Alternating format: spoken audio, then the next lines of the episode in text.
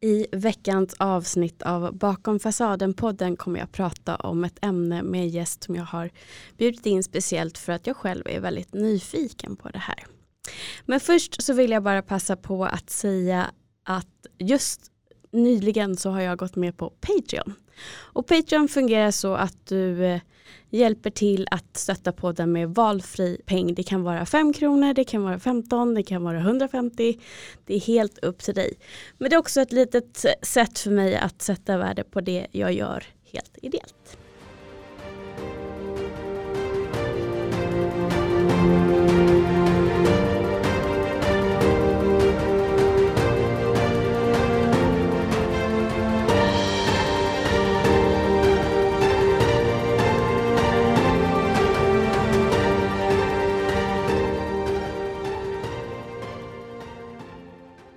Välkommen Paulina.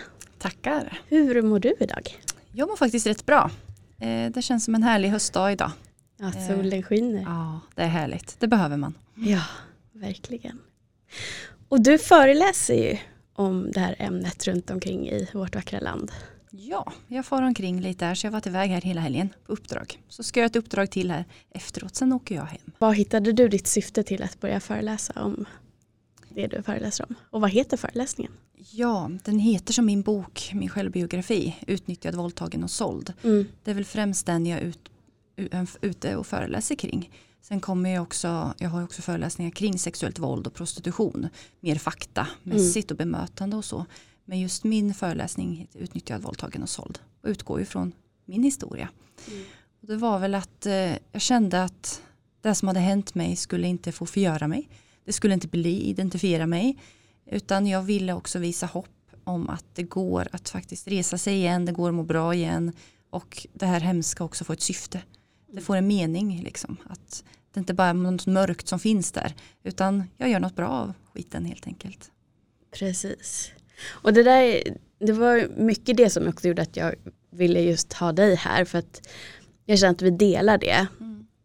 Ehm, det vi har gemensamt är ju att vi har sexuellt trauma i bakgrunden men har också valt att göra någonting med det vi har varit med om och berätta öppet om det just för att vi känner att det ger ändå ett syfte till att det har hänt. Det är lättare Precis. att förlika sig med att ja, det här är någonting jag har varit med om, kan inte ta bort. Men om jag får vända det till någonting positivt så gott det går så kände jag ändå som att okej, okay, men jag kan leva med att det hänt. Precis, och det tror jag är väldigt viktigt att komma till den här punkten också. Så man inte förblir det där offret som vi var i stunden. Mm. Men vi också kan, vi har ansvar för att också ta hand om oss själva framåt. Och det kan ju ingen annan göra, för det som har hänt har hänt. Och det kan vi inte sudda ut. Och då gäller det också att få till det här att men framåt, där kan jag förändra. Och vart vill jag? Och värdesätta sig själv och faktiskt älska sig själv på nytt man blir ju en ny människa på ett helt annat sätt även om man har många saker gemensamt med den människa man var. Mm. Så tror jag att man ser, jag ser livet annorlunda. Ja, det håller jag verkligen med om. Och jag känner också att när man tar aktivt ansvar för att också skapa det livet man vill ha och får liksom ta med alla delar av sig själv in i det nya så blir det också som att det här är ju fortfarande en del av mig. Och då kan jag inte säga att jag inte vill ha med den delen för det är också jag. Och det är självklart att man inte önskar någon det man har varit med om men samtidigt så, så tar man liksom makten över att det har hänt. Precis. På det sättet. Och de har inte längre makten över oss. Att man verkligen säger att skulden och skammen den kan de ha. Men vi reser oss och liksom är starkare. Mm. Eh, att de inte påverkar hur vi lever framåt de har påverkat så mycket innan. Eh, och det har ju inte, jag mådde inte bra av det. Att han fortfarande fick finnas i mitt liv. Med både hat och sorg och allting. Så att få lämna det. Mm. Verkligen, jag känner verkligen, verkligen igen det. För mig så var det värst eh, efter första våldtäkten. Där, dels tror jag därför att jag var fortfarande väldigt naiv. Jag var 21 år och hade inte varit med jättemycket i livet. Um, men också därför att det var en person som jag ändå hade känt. Och eh, när jag sen, för jag stängde in mig i några veckor och ville inte gå ut. Och sen när jag gjorde det så mötte jag på honom och han bara skrattade mig rakt upp i ansiktet. Och det väckte en så enorm hatstorm inom mig och det hade jag väldigt svårt att hantera. Mm. Och inte kunna göra någonting med alla de här starka känslorna. Och det är ingen som förstår, det är ingen som gör någonting riktigt och samtidigt vad ska man göra mm. eh, om man ändå ska hålla sig inom lagen. Mm. Så att jag tyckte att det var fruktansvärt svårt att hantera alla känslor framförallt efteråt. Och samtidigt när jag vet om din berättelse så känner jag också hur, hur har du eh, kunnat hantera allting? Du hade, hade ju ändå starkare koppling. Ja, jag tror också att när jag tänker tillbaka till det nu, det man var, var med om. Eftersom han sålde mig och våldtog mig eh, väldigt brutalt många gånger. Så var det ju, det är fruktansvärt såklart, men det är det här sveket som du beskriver också när man man litar på en person. Det är sveket nästan som, det är det som sitter kvar också. För det är där man måste, någon gång kanske man ska ge en ny chans till någon. Både kärleksmässigt och sex, när det gäller sex. Så att um, när tilliten för människor förstörs ju. Det är inte bara det här sexuella eller liksom det grova i det. Utan det hade ju kunnat, ja det sveket känner jag var något som jag länge fick jobba med. Mm. Eh, men något jag också efter ett, några år kände att nej, det här har fått ta tillräckligt med tid. Eh, jag har hatat och det tror jag också är viktigt att man får ut det här hatet. Eh, för då är det också någon friskhetstecken på mig själv att jag sätter inte hatet hos mig utan sätter där det hör hemma. Hos förövarna. Och det tror jag också är skönt att få ut. Mm. Men sen att gå med hat har ju för mig varit jobbigt. Det har varit dränerande. Sen finns det säkert människor som väljer att hata för att det är deras kraft framåt. Men för mig var det bara något som höll mig tillbaks. Mm. För då fick ju han också finnas i mitt liv. Han fick ju liksom vara där och bestämma hur jag skulle må ungefär. Så till slut var nej, nu räcker det, nu släpper jag det. Jag släpper hatet, jag orkar, du är inte ens värd att hata. Eh, och då kände jag också att vad ska jag göra framåt? Och då kom den här drivkraften att nej men om jag startar en verksamhet där man får hjälp och stöd, där vi förebygger sexuellt våld. Och det var då Novahuset kom till. Så att det var ju en drivkraft i mig att det är ingen som ska behöva ha det så här. Sen kanske man inte kan rädda hela världen men man har ju ändå hjälpt många under åren. Så det blev min drivkraft och det blev också som hjälp mot mig själv. Mm. Eh, att upprepa för andra att det var inte ditt fel. Så blir det också läkande för en annan. Mm.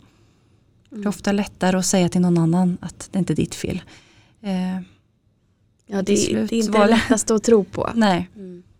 Och också vara själv mot snäll mot mig själv och hitta, för det är väl en sak som jag, de här klyschiga mantran som liksom, men jag tycker det, det är det som har hjälpt mig. Ja, men så här, när jag börjar tvivla eller tveka på någonting, men du, du är viktig, du är värdefull, du gör precis det du vill och du är stark. Det är inte ditt, ja, men liksom hela tiden peppa mig själv. Eh, och bara se mig i spegeln, du duger som du är. Mm. Det spelar ingen roll vad någon säger till dig, du är stark.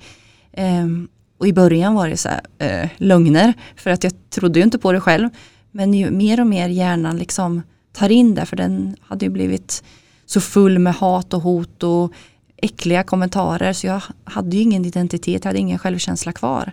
Så då var ju jag själv tvungen att faktiskt implementera de bra positiva sidorna och få ut hans ord. Mm. Så ju mer och mer jag sa det, till slut började ja det kanske stämmer och sen nu till slut, det är så. Mm. Så mantran är inte alltid bara så här klyschigt och liksom, utan det kan vara viktigt att säga fina saker till sig själv. Ja, idag orkar jag inte gå upp ur sängen.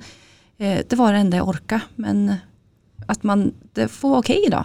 idag det, man gör ju sitt bästa ja. och ens bästa kan vara olika, olika dagar. Precis, och igår kanske jag orkade men idag så gjorde jag inte det och då får det vara okej. Mm. Acceptans till mm. att man får vara i alla lägen. Att framförallt att man accepterar sig själv. Mm. Och också accepterar att jag kommer inte bli samma person som jag var innan allting Nej. hände. Och det är okej. Okay. Mm. Sen tror jag också omgivningen, att man, jag har ju sållat otroligt mycket. På människor som kanske har tagit energi från mig eller som har gjort att jag inte har mått bra eller så. Och att man, nej hellre då jättefå nära vänner eller familj som finns där som förstår att idag orkar inte jag ses. Mm. Och inte blir liksom ja, varför orkar inte du igen eller du träffas aldrig eller så. Att jag tror att det har varit viktigt för mig att jag behöver tillit och trygghet i mitt liv. Mm. Ja det förstår jag verkligen. Jag har, jag har nog alltid sökt efter trygghet men jag har inte vetat hur trygghet ser ut Nej. förrän när jag börjat läka. Mm. Och då har jag sökt det på fel sätt och då har jag hamnat i sådana situationer. Mm. Um, och det gjorde att jag har lagt väldigt mycket skuld på mig själv för jag tänker att jag borde ha vetat bättre eller jag borde ha förstått att det kunde ske om jag gör så här och så här. Mm. Um, men att också liksom sitta med, med den 20-åriga Helena och säga liksom att absolut, men samtidigt som att du kanske borde insett risken så ska du aldrig behöva tänka att jag kan inte göra som jag vill för att någon kanske våldtar mm. dig då. Och det, man ska ju inte behöva leva så. Nej. Ingen ska begränsa oss. Nej, precis. Så det blir ju också att man då hittar att nej men det tycker jag ju inte egentligen. Nej men då förstår jag mer att man hittar liksom en äldre version av sig själv mm. som också pratar med mig själv. Verkligen. Jag har ju varit min bästa vän många gånger. Mm. Den ena sidan säger men du fick skylla dig själv. Nej men du ska kunna åka dit. Och vad hade jag sagt till min bästa vän? Och säg de orden till mig själv istället. Exakt. Eh, men det är många som har svårt med att säga fina saker om sig själv eller liksom så. Mm. Men jag tror att ju mer man tränar desto bättre blir det också.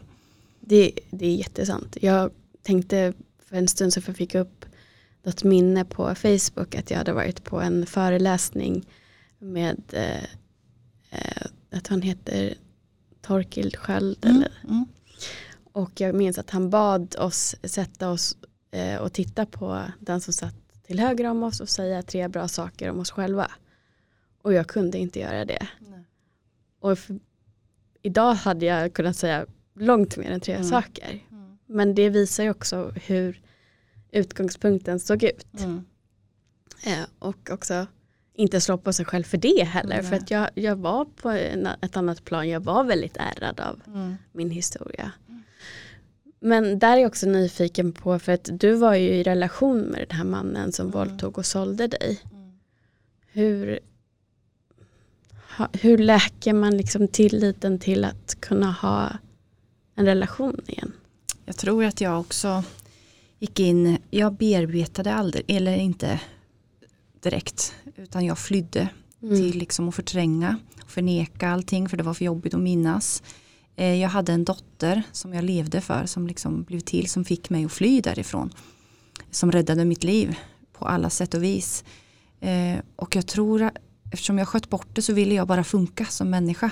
Och eh, när mina föräldrar ville vara barnvakt och de tyckte jag skulle träffa vänner så blev det också väldigt destruktivt när jag gick ut. Mm. Att till en början ville någon gå hem med mig som jag visst vi kan gå hem och ha sex för det är det enda jag kan, det är det enda jag duger till. Det var liksom min bekräftelse på något sätt. Samtidigt som jag längtade efter den här familjen och tryggheten. Eh, så där och då gjorde jag ju fel eller liksom att jag, jag visste inte hur jag skulle vara mm. och jag tyckte inte jag var värd bättre. Sen var det ju först när jag träffade mina barns pappa som det kom att jag berättade allt för honom vad jag hade varit med om. För jag trodde, jag var helt säker på att han skulle gå därifrån. För vem, för vem vill ta i mig, vem vill älska mig? Det var de tankarna jag hade. Men när han sitter kvar och han liksom kämpar för att ja, jag ska lita på honom att jag vill lära känna dig.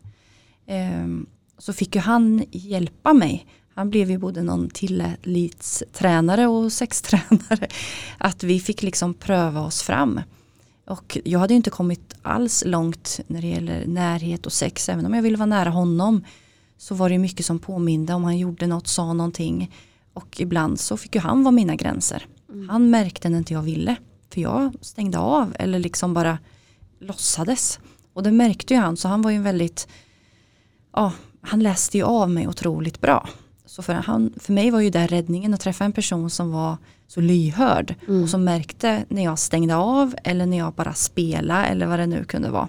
Att han liksom, nej nu slutar vi. Nu tittar vi på film, vi äter mat, vi gör något annat. Eh, för, för jag vill inte ha sex med dig när du känner att och det var ju något som hände omedvetet. Mm. Att jag liksom, jag kopplade bort för jag ville sex förknippades med något dåligt och sådär. Eh, så det var ju någon träning och att jag fick lära mig att nej men det där tycker inte jag om, så får du inte säga, så får du inte göra. Eh, och vi fick liksom prata kring det här väldigt mycket. Och ena dagen var det ju en sak som gällde, nästa dag kunde det vara något annat så man är ju inte liksom helt lätt mm. att leva med. Men att han var så otroligt förstående. Mm. Eh, så det gäller väl att hitta den här personen och sen samtidigt också våga släppa in. Och jag tror jag haft någon, så här, men jag måste våga för att vinna. Det har jag nog tänkt många gånger även om det inte har varit så lätt som det mm. låter. Liksom. Mm. Så har jag känt att nej men jag måste ju. Och sen också det här när sex väl började bli nice igen, när det började bli skönt, då fick jag ju skuldkänsla för det. Mm. Och det tror jag också är väldigt vanligt för vi pratar ju inte om sex eh, så himla fritt utan det ska vara nästan, har man varit utnyttjad är man förstörd.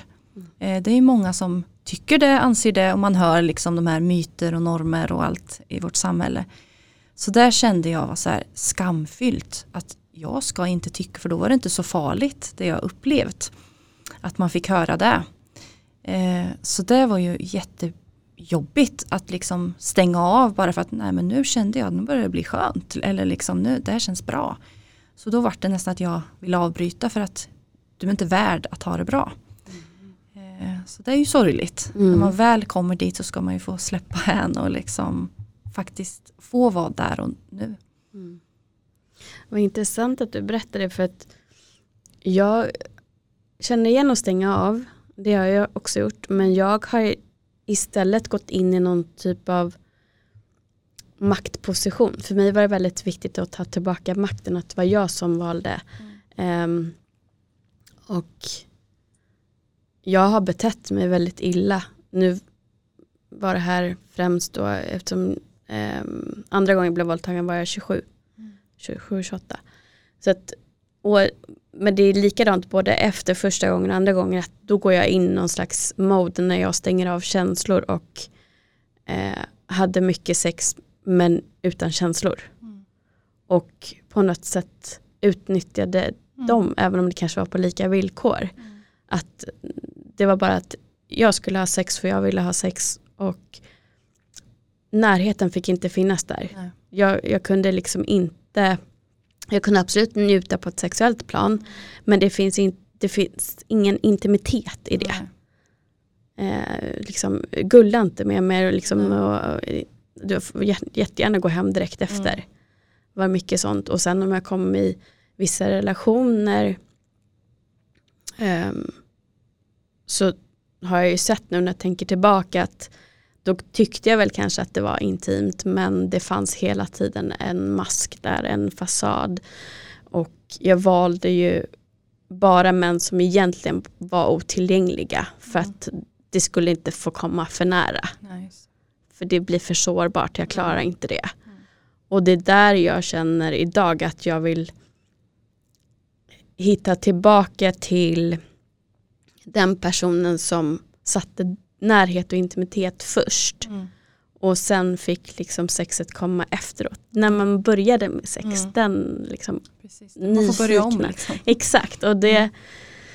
det, den erfarenheten jag har av att prata med, med kvinnor och, och framförallt unga tjejer är att jag känner att det är så otroligt vanligt att vi hamnar i eh, liksom det här vi är med om någon typ av trauma, någon typ av övergrepp och går ut sen och inom citationstecken ligger runt mm. och tycker att nu har vi makten över vår sexualitet. Mm. Medan i själva verket så mår vi skit för att det är så himla tomt där inne. Det är kroppen som... Det är bara kroppen. Ja. Och, och där vet jag att det finns såklart skilda meningar om det. Men jag har inte, jag kan inte säga att jag vet någon som beter sig så som jag har gjort. Eh, eller så som du har gjort. Eller liksom, ja, ligger runt på olika sätt eller inte kan njuta av sex eh, som inte har trauma i bakgrunden. Sen får man säga vad man vill och, och man kanske inte är redo att möta den brutala sanningen. Eh, och det förstår jag också. För allting har ju sin tid och mm. man är olika mottaglig och det var inte jättekul för mig heller att inse att eh, även om jag har jobbat jättemycket på mig själv sen allting har hänt och även sen destruktiva relationer eh, så sätter jag fortfarande upp den här fasaden när jag har sex. Mm. och det är väl där jag är lite idag, att jag känner så här, nu har jag jobbat jättemycket på, på insidan och jag känner att jag kan göra val som är mer hälsosamma och sunda när det gäller dating. Mm. Men jag vet fortfarande inte hur jag är när jag kommer. Jag undviker ju mm. liksom sexbiten. Ja. För att jag vill inte vara den personen som jag har blivit ja, där. Och hitta det här innan liksom. Och ja. då tänker jag också sex är ju så otroligt mycket. Mm. Det är ju så himla stort. Alla, men det är som ungdomar och så, om vi ska tänka oss som yngre igen, att man ska börja om från start. Så är det inte bara penetrerande sex utan att man bara ligger och myser, man kramas, man masserar varandra, man ja, men liksom börjar där, att man får liksom känna efter och verkligen så här, känna den här handen på ens arm eller på ryggen, att man verkligen lite meditationsdel mm. liksom, att jag skulle bara vilja att vi tar på varandra, ja, men liksom, och sen tror jag att man kan, ska man öka det här liksom, att det blir mer, mer och mer intimt tills man liksom, och sen bara nej, när stoppar vi liksom? Så får det vara spänning i luften, det får vara lite pirrande och sådär men vi lämnar det där för jag vill verkligen att det ska kännas bra. Och jag vill inte att det ska bli som förr och att man får träna lite på att bara mysigt och känna någons läppar mot sin hals eller liksom händer, ja men sådär. Så jag tror att backa bandet liksom och bara inte pang på sex, eh, liksom bara penetration utan bara det här mjuka. Mm. Och sen kanske man kommer till det när det kan vara en snabbis i köket eller vad som helst. Men jag tror att ska man tillbaka till det här stadiet att man ska känna hela vägen också. Att kanske det får börja med det här mjuka eh, intima. Man är lite nyfiken och man har aldrig knappt kysst någon och mm. man har inte känt på någons kropp liksom så. Mm. Att man får börja om därifrån. Ja, jag tror verkligen att det är gemensamt för oss alla mm. som har varit med om det. Mm. Att börja om på det mm. sättet och tänka att nu är jag tonåring igen mm. och att man också såklart är öppen och ärlig mot sin partner om att det här är det jag behöver. Och såklart då måste man ju välja någon som är så som din partner, ja, att liksom, som är lyhörd också kan säga att ja, fast nu märker jag att mm. nu går du in i det här mm. och nu, måste, nu slutar vi. Mm. Och så kanske man börjar om och bara håller om varandra istället. Eller liksom liknande. Också för relationen, både det här behöver jag och jag tror att vi behöver det i vår relation om det ska bli något på riktigt. Mm. Att det inte bara blir kär sex. Mm. Och sen så stänger man av. Liksom. För det är lätt att ta på den där masken. Den är ju otroligt lätt att man, man stänger av, man blir hård och kall, man vet precis hur man man kan manipulera, man, man har lärt sig det här liksom för spelet. Eh, för man ibland inte har vågat berätta saker och inte ibland velat och sådär. Så den där masken är ju en som har räddat oss säkert, både dig och mig många gånger också. Men som också har gjort väldigt mycket ont. Mm. Så den där masken är ju både till ondo och till godo tänker jag. Ja. Och när man ska släppa in någon så måste den där masken få kastas. Mm. Den får inte vara med där. Måste bli liksom transparent, alltså bara vara genomskinligt. Liksom man ska läsa av varandra och så. Ja det är jätteviktigt och det, det är ju ett sätt att jag egentligen förespråkar eh, rent generellt för alla som dejter mm. oavsett om, om, även om man inte har någon sexuellt eh, problem eller liksom har varit med om sexuellt övergrepp på något sätt. Att jag skulle vilja att alla eh, som dejtar idag får hitta tillbaka till att man liksom kör den här slow dating mm. och lär känna varandra och lär sig att känna efter längs med datingprocessen. Att är det här det som jag behöver, känns det tryggt, känner jag att jag kan vara mig själv och allt det här eh, pirret får liksom byggas upp eh, successivt så som du säger också. Så att sen när man väl känner att men nu vill jag det här och det är inte bara min, mitt under som vill det här utan det är hela jag som ja, vill ha dig för att jag vill vara nära och jag vill liksom se dig i ögonen för jag tycker om dig så mm. mycket. Det är liksom min målbild mm. på något Verkligen. sätt. Ja, men det är så mycket krav och måsten idag också som jag tänker att folk rusar fram livet. Både med karriär och med hur man ska se ut och med, ja, med liksom allt. Så jag tror att när man har kommit till den punkten där ändå du och jag känns lite som man är, att man njuter av små saker. Mm. Man kan sätta sig och titta ut i solen eller på trädet, på löven, man lyssnar. Allt det här ska ju också med i en relation. Att man känner av någons andning nära en och liksom det är ju som en meditation i, ja, som relation. Mm. Så jag tänker att det skulle också göra att kanske människor både mår bättre, eh, både själv och i relationer. För idag bara springer man fram liksom. Mm. Eh, och man måste göra det här och det här ska liksom mycket måsten och krav. Man ska ställa upp på det här och så här gör alla andra. Och istället för att lyssna på sig själv. Mm. Vad behöver jag? Vad vill jag? Precis. Nu när du föreläser så mycket um, får du mycket feedback på plats att, att tjejer och kvinnor kommer fram till dig och pratar? Ja, det får jag eh, väldigt mycket.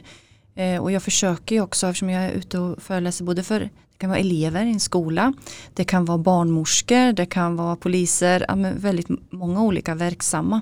Så också så lyfta det här friska försöker jag alltid att göra, även om bemötandet måste vara bra när man varit utsatt och att den är viktig. Men också det friska måste få liksom ta, ta utrymme i våra liv. Liksom, hur fungerar ditt sexliv nu och vill du komma få igen det så finns det hjälp att få. För ibland blir också de som tar hand om oss som har varit utsatta väldigt de sätter in oss i offerrollen hela tiden. Så man blir liksom fast där. Att man behöver ibland någon som pushar en. Även om man behöver älta och så här många gånger innan traumat är bearbetat. Så är det också så här att vi behöver få komma vidare. Du är värd ett sexliv om du vill det. Du är värd att må bra. Du så här, pusha framåt. Och det tänker jag också, jag möter ju många killar också när jag är ute i klasser och föreläser att just få, få till det att sex ska ju vara kul, nice för alla inblandade. Eh, för att man märker när samtycket finns, det här eh, ömsesidigheten och det att läsa av varandra. Att också killar får våga visa sig sårbara och sådär. För det är ju också en, en kultur eller machonorm att man ska vara på ett visst sätt när det gäller sex. Att man då också kan begå övergrepp i de här sätten. Att det gäller ju att alla får höra det här och också reflektera kring. För vi, I skolan pratar man kanske inte jättemycket om det, man pratar inte om det så mycket hemma. Eh, och så pratar man med kompisarna och då är det mycket kanske krav och man ska liksom bräcka varandra lite.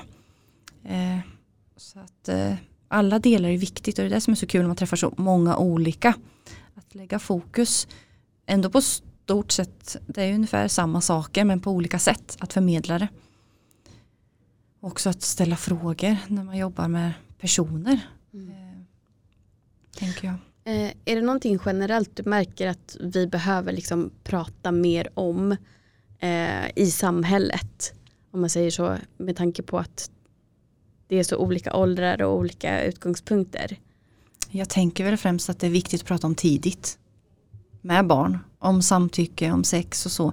Sen är det inte meningen att min sjuåriga dotter ska ha sex. Men när personen har sex när hon blir tonåring eller när hon väljer att ha sex om man vill det. Så att man också är trygg i sig själv, bygga upp den här liksom tryggheten att jag kan säga nej. Jag kan, det är inget fel. Jag behöver inte göra som alla andra. Att man pratar tidigt med, om gränser. Du har inte rätt att ta på någon annan, ingen har rätt att ta på dig. Och är det något som händer så finns jag här. För jag tror att idag är det mycket förbud, det är mycket liksom, och sen samtidigt så säger kompisarna att, ja men hallå, det där måste man göra. Eh, eller, så det här har jag sett, det här gör alla. Så jag tror att det är en jobbig värld att växa upp i också med internet. Allt finns ju så tillgängligt.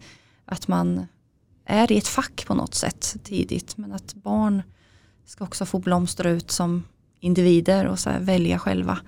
Eh, och inte bli vuxna för fort. Liksom. Mm. Så jag tror vi måste prata tidigt om gränser och också då vi vuxna var förebilder.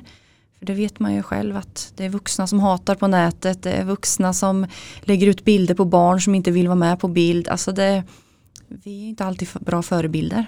Och jag har gjort flera misstag, jag har ju två döttrar som är 19 och 15.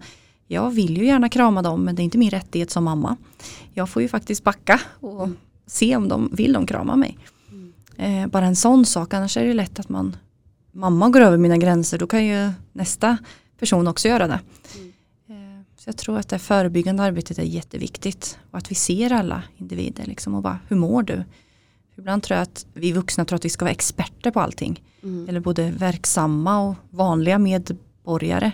Att man behöver inte vara en psykoterapeut för att vara en medmänniska. Bara, jag ser att du är ledsen, vill du prata, jag finns här. De här små sakerna, att man, man hoppar över det ofta idag.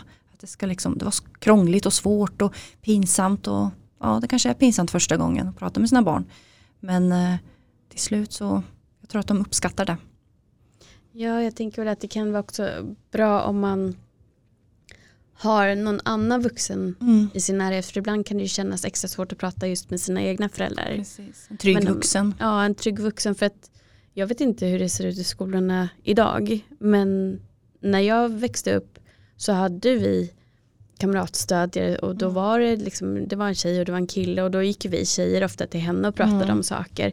Men jag minns redan då att jag tror att eh, de skulle egentligen ta bort den resursen mm. på skolan och det här var ändå på 90-talet. Mm. Så att eh, ännu viktigare tänker jag då att man kanske har någon moster, faster mm. eller bästa kompis till mamma eller ja, något precis. sånt där så att man har någon annan också att mm. kunna prata med. Ja.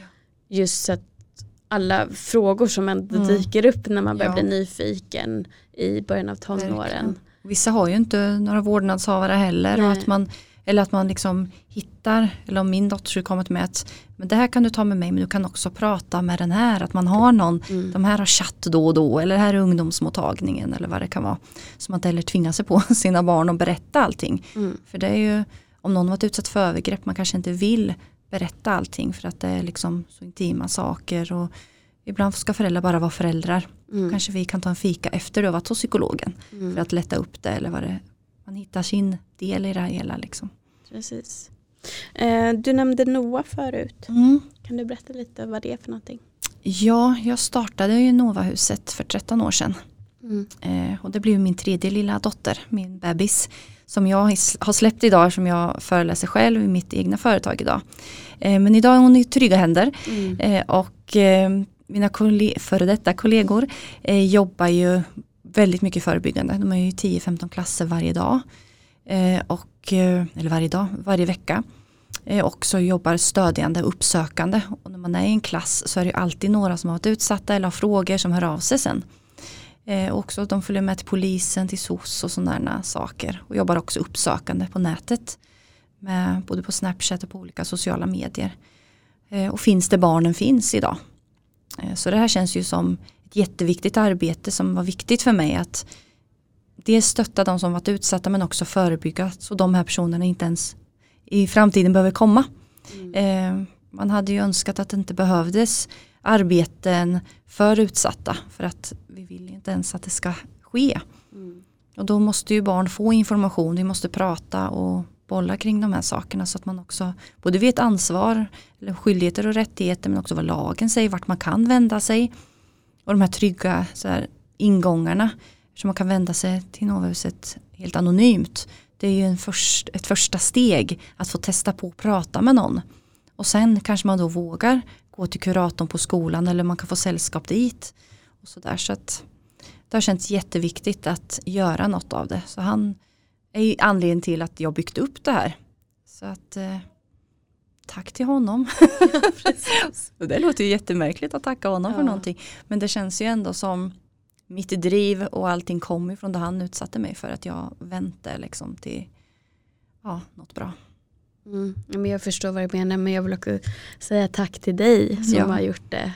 Eftersom det är så otroligt viktigt och värdefullt för, för alla. Ja, tack. Hur når man dit om man själv skulle vilja ta kontakt med dem? Eh, Novahuset finns ju både på Facebook och Instagram och så har de ju hemsida också. Mm. Och chatt tisdag, torsdag, söndag. Så det finns olika kontaktvägar och de har ju också mycket stöd för vårdnadshavare, för personal, både socialtjänst och skola. Vårdnadshavare ringer ju många gånger för rådgivning. Och det är också viktigt, man har ett, ett barn eller elev som har varit utsatt och hur kan jag stötta? Eller någon anhörig. Så det stödet glömmer man ju ofta bort. Det här med mm. anhöriga runt om. För varje person så finns det många, ofta runt om en som också mår dåligt om vi inte vet hur mycket ska vi fråga, hur mycket ska jag ligga på.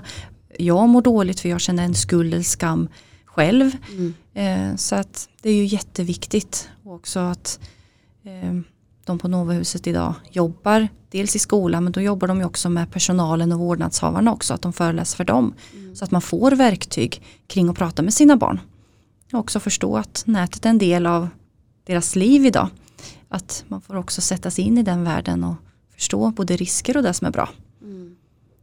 Om man då är till exempel vän eller pojkvän, flickvän till någon som har blivit utsatt. Mm. Kan man vända sig dit då Absolut. också? Det tänker jag är jätteviktigt för där kan man ju behöva stöd i själv. Mm. Att man själv kan känna att man blir avvisad.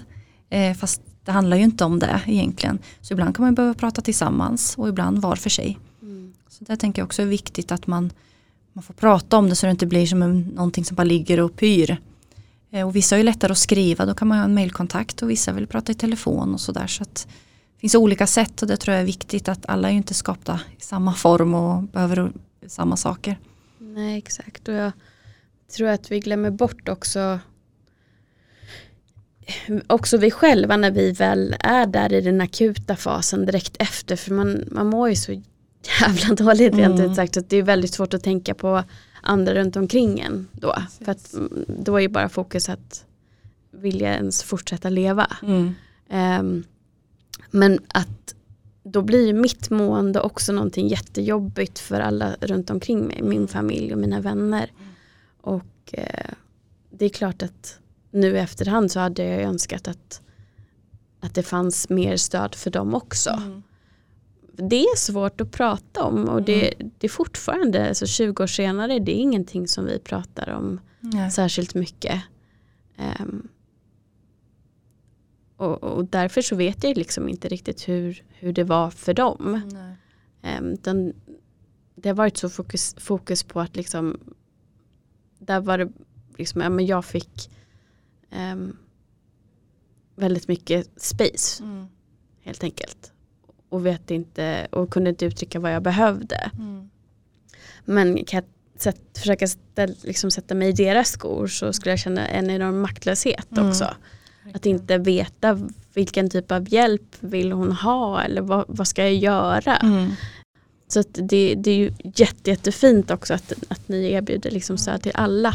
Ja men det känns viktigt. Mm. Det vet jag själv att min syster fick ju gå till psykolog efteråt för hon var så liten när det hände.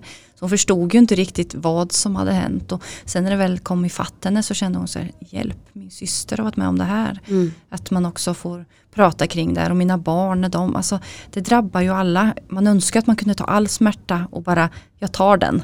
För det var jag som var utsatt liksom. Men nu när det drabbar så många, det är också något man kan få det var därför jag inte ville berätta först. För att jag ville inte se dem ledsna. Mm. Eh, vissa kanske inte vill berätta för att man får skäll eller att de blir otrevliga. Men för min del var det ju för att jag ville inte se dem ledsna. Och det tror jag är väldigt vanligt. Att ja. man älskar man, har man en bra familj bakom sig så vill man inte se dem ledsna. Mm. Jag klarar det själv. Det här är jag som varit med om stänger dem ute lite medvetet. Eh, och det kanske inte blir det bästa egentligen så här i efterhand. Men just där och då så tänker man ju inte logiskt. Man bara, bara kör ju på. Mm. Eh. Mm. Ja, jag känner igen det jätteväl. Man vill skydda andra mm. för att när man knappt kan hålla smärtan själv så vill mm. man inte liksom att någon annan ska behöva känna av den. Nej. Jättefint. Men då såklart så ska vi ju länka till, eh, till Novahuset Absolut. i beskrivningen. Mm. Och hur fungerar det med dina föreläsningar? Hur hör man av sig till dig om man vill att du ska komma och ja, prata? Ja, det kan man göra. Mm. Både på Instagram och Facebook kan man höra av sig. Jag har en hemsida men jag håller på att uppdatera den nu. Så att eh, man kan följa mig på Instagram, Forelasare Paulina. Mm. Så där kan man skicka DM och så kan man också mejla. Och vilka åldrar ungefär skulle du säga att eh, du rekommenderar om det är någon som jobbar till exempel i en skola? Jag tänker att Novahuset är ute från årskurs fyra. Mm. Eh, både på särskola och på vanlig skola om man ska uttrycka det. Mm. Eh, både för personal elever och eh, vårdnadshavare. Jag brukar föreläsa för högstad och gymnasie eh, på lite olika sätt eh, beroende på ålder där. Eh, men annars så ja, så högstadiet uppåt är ju jag själv kring min historia. För det brukar också vara väldigt, när jag kommer ut så är det, det är inte som att läsa en bok eller en lärare som står och pratar fakta kring de här frågorna utan att få lite fakta och information också samband med att jag kommer är ju egentligen det bästa. Att man, det vet man ju själv i skolan, att man lyssnar ofta på någon med en egen berättelse med helt andra ögon och liksom man, man tar in på ett annat sätt, det blir mer verkligt. Mm. Än att någon står och säger så ja men det var det här och det här som hände, det här kan hända och det blir så kliniskt liksom. Mm. Eh, så det har ju många sagt att det är jättebra att få både fakta och liksom den egna berättelsen. Jag var ju uppe och föreläste för ett herrlag, Skellefteå, FF fotboll. Och då var det både herrlaget och pojklaget. Då sa de ju där efteråt också att att se en riktig människa som också varit med om det här, att se att du är en helt vanlig tjej, det här kunde drabba dig, men du mår bra idag. Eh, och också att det här hemska som inte någon annan kan beskriva om man inte har varit där. Det liksom grep tag och var något som de också kunde ta med sig vidare i deras relationer och mot varandra med jargonger och hur man faktiskt uttrycker sig mot varandra. Mm. Så det känns ju, ungdomar är ju liksom framtiden. Också hur de kan bli, om de blir föräldrar framöver eller liksom på något sätt att uppfostra på ett bra sätt. Otroligt värdefullt mm. det du gör. Tack. Jätte, jätte, alltså det, det gläder mig verkligen att, att du finns och det du gör. Um, därför som du säger, ungdomar är vår framtid och mm. kan vi börja så tidigt som möjligt och prata med våra barn, alla som har barn och, och för min del blir det också mina syskonbarn. Mm. Eh, jag hoppas ju kunna vara den liksom, personen som du kanske vågar prata med mm. mer. Eh, och att jag då också vet var, vad jag behöver prata om och liksom kunna utgå från en, en sund ett sunt sätt att se på både närhet, intimitet, sex, relationer. Det är jätteviktigt och då eh, behöver man också kunna kanske rådfråga mm. andra. Mm. Och, och, då vet jag ju nu att jag kan ju höra av mig till ja, dig eller absolut. till Lovahuset. Så det är jätte, jätteviktigt. Jag hoppas verkligen att alla tar med sig det som har lyssnat idag. Och eh, nu har vi inte pratat så mycket om din egna historia utan vi tänkte mer att vi skulle prata om just det här eh, hur man går tillväga när man mm. har levt eh, som ett offer och vill ta sig ur det och, och liksom börja ta tag i sitt sexliv igen och ta makten över det. Mm. Um, men man kan ju också köpa din bok. Ja, absolut. Det kan man också göra via mig eller på Bokus eller på Adlibris. Mm. Det finns ju på nätet också. Men gör man genom mig kan jag skriva en liten autograf också. Precis, det blir extra kul. Ja. Um, för att sammanfatta vårt samtal idag så tänker jag också att det till alla som har eh, relationer med barn att försöka prata om sex tidigt och försöka prata om att man har rätten till sin egen kropp men att det också är, är helt naturligt att vara nyfiken på och ta det långsamt och känna att man är liksom redo. Det är någonting vi kan applicera också på, på oss som har varit med om övergrepp på olika sätt. Att man går tillbaka till, till det och liksom får börja om och ta det i sin egen takt. Ja. Är det någonting du tänker att du vill lägga till? Nej men jag tänker om man, om man sitter där och lyssnar och känner sig att det är kört och så. Som kanske du och jag har känt ja. flera gånger att man att då får vi tro på den personen tillsammans och liksom att det går må bättre. Absolut. Att det finns liksom hopp och det finns hjälp att få om man vill det. Mm. Att inte ge upp för att de är inte värda att man ger upp. Att man är så mycket mer värd än de som faktiskt utsatt den. Att det finns ett liv där ute som kan bli fantastiskt. Tänker jag. Och jag har fastnat för någonting som Terry Hatcher sa i sin bok när hon berättade att hon hade blivit våldtagen. Att det här är någonting som är en del av mig men det definierar inte den jag är. Nej, precis. Vi är så mycket mer. Mm. Att man har alltid makten att skapa den verkligheten man själv vill leva i. Mm. Och att det finns väldigt mycket styrka i att våga prata om det och vara öppen. Och det är därför ju, som du och jag också mm. väljer att vara så pass öppna om, om saker som är väldigt personliga. För att vi vet att det är så många som inte vågar vara det.